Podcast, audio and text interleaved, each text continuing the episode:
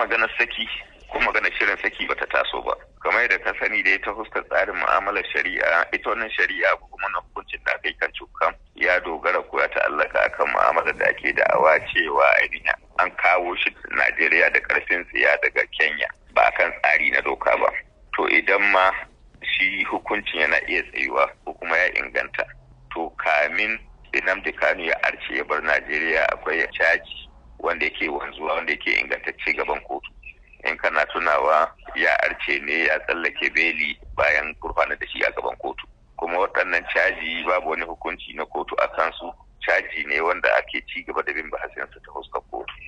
Saboda haka idan kana magana abubuwan da suka handasu bayan ya arce ya je kenya to akwai abubuwa wanzazzu waɗanda suna a gaban kotu tana dibawa kamin arcewarsa zuwa ghana saboda haka a cikin wannan yanayi hukunci akan ɗaya daga cikin ɓangare daga cikin al'amuran da ake zargi a gaban kotu.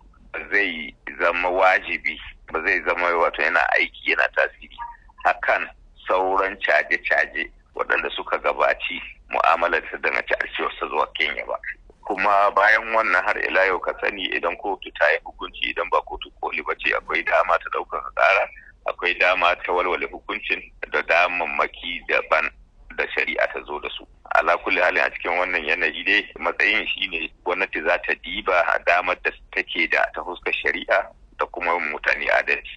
Amma kamar idan kana tunawa irin wannan kes ko kuma wannan shari'a bambancinta da matsalar da ta haddasu a amerika ta fuskar bin ladin kaɗan nan ce. Yasa akwai bambanci.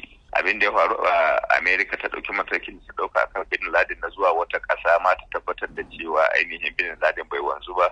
Shine kisa da ingaza mutane su yi kisa akan 'yan amerika da kuma 'yan kasa baki ɗaya wannan kuma shine abin da ke yau wanzu ko kuma yau ke wanzu a cikin wannan yanayi. Ala kulli halin matakin da kamata gwamnati ta ɗauka za ta gaba da ɗaukar shi har kai makura na tabbatar da cewa an wa al'umma adalci an kare dukiyoyinsu an kare rayukansu an kare hukumominsu. To ko da yake kace yana yiwa a ɗaukaka ƙara akan wannan sabga da ta faru da kuma ci gaba da caje-caje da aka yi masa kafin ya arce daga belin da aka bashi ya je wata ƙasa. Shin wannan akwai alamar cewa akwai wata takon saƙa ne ko rashin jituwa tsakanin ɓangarorin gwamnati ko na zartarwa da na shari'a shi yasa ake irin wannan bita da kulli to wannan ba tambaya ba ce gaskiya da nake iya ansawa amma ala kulli halin haƙƙin gwamnati da kuma haƙƙin ofishin attorney general shine na tabbatar da cewa an yi kariya game da haƙƙoƙin al'ummar ƙasa ba kariya akan haƙƙo biyan buƙatar mutum ɗaya ba.